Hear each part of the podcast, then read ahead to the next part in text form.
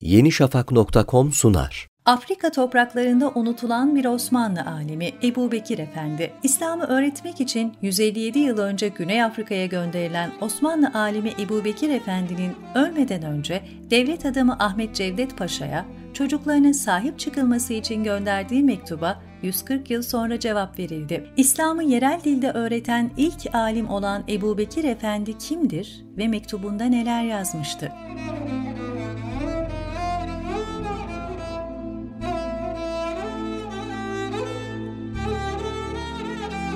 Bir müderris ve dört mezhep müftüsü olan Ebu Bekir Efendi, bugün Irak topraklarında kalan eski Osmanlı vilayeti Şehrizor'da dünyaya geldi. İslami ilimleri öğretmek, Müslümanlar arasındaki dini ve içtimai ihtilafları çözmek maksadıyla Sultan Abdülaziz Han döneminde Ümit Burnu'na gönderildi. 1863 yılında Cape Town'a giden Ebu Bekir Efendi yaklaşık 17 yıl Güney Afrika'da görev yaptı.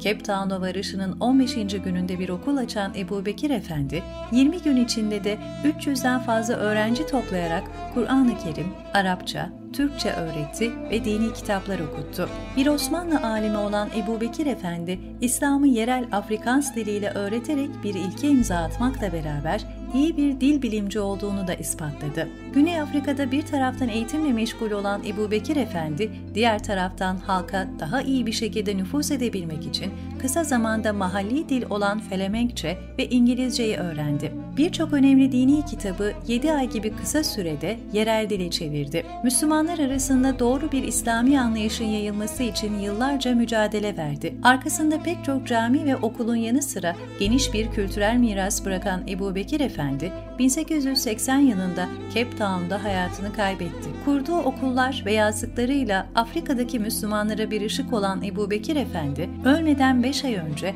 Ahmet Cevdet Paşa'ya bir mektup yazarak, eğer ölürse evlatlarının eğitim alabilmeleri için İstanbul'dan gelecek biriyle Osmanlı topraklarına götürülmelerini istedi. Yazdığı mektupta bu isteğini de şu şekilde beyan etti. Eğer Emri Hak'la vefat ettimse 5 adet çocuğum vardır küçüktürler ve burada garip ve sahipsizdirler. Burada ikamet ederlerse büyük oluncaya kadar halk ederim ki dinlerini değiştirirler. Sizi vasi muhtar ettim. İnayet buyurun. Merakları vardır.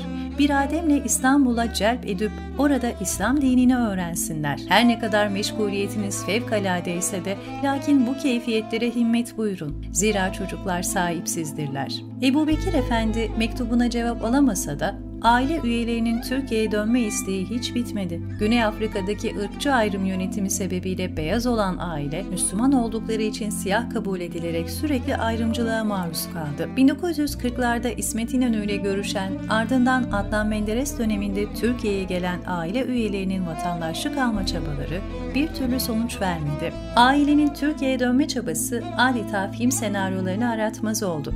Hatta 1952 yılında bir otobüs satın alarak Türkiye Türkiye'ye yola koyulan aile rejimin müsaade etmemesi üzerine Güney Afrika sınırını bile geçemedi. Ebu Bekir Efendi'nin ailesinin kuşaklar boyunca Türkiye topraklarına dönmek ve vatandaşlık almak için gösterdiği çabalara kayıtsız kalmayan Türkiye Cumhuriyeti en sonunda aile üyelerine vatandaşlık verileceğini duyurdu. yenişafak.com sundu.